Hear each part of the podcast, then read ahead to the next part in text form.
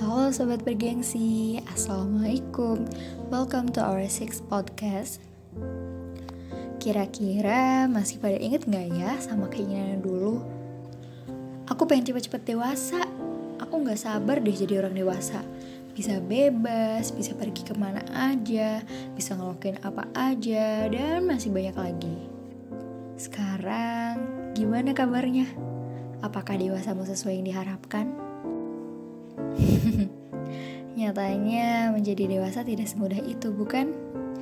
Bayang-bayang keindahan itu nyatanya terus tergerus oleh realita.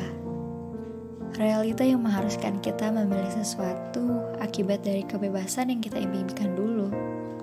Terlihat remeh, tetapi nyatanya tidak demikian.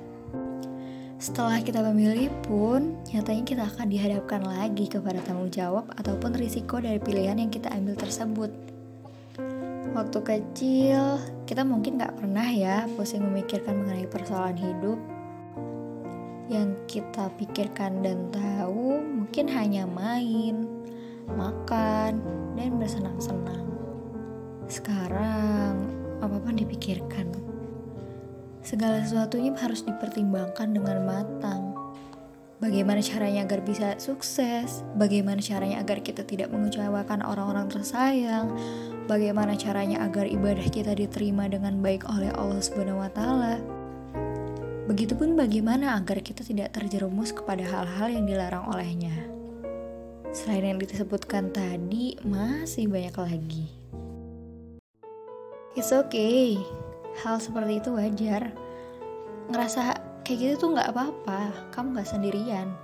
Semua orang pun merasakannya. Karena apa?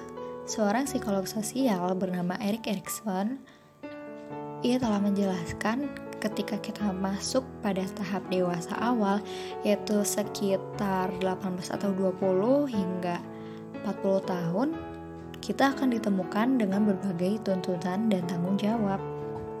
Insya Allah, semuanya pasti akan lekas membaik. Berjuang sedikit lagi ya. Seluruh impianmu itu hanya perlu waktu, usaha, dan pastinya tawakal kepadanya. Jangan pernah mengatakan tidak mampu, karena Allah yang paling tahu batas kemampuan kamu. Seperti yang telah dijelaskan dalam surat Al-Baqarah ayat 286, Allah tidak akan menguji seorang hamba di luar batas kemampuannya. Allah tidak akan pernah memberi luka tanpa memberi bahagia setelahnya. Satu lagi, satu lagi. No matter how long the rain lasts, there will be a rainbow in the end, right? No matter how sad you may be, trust me, the happiness is waiting.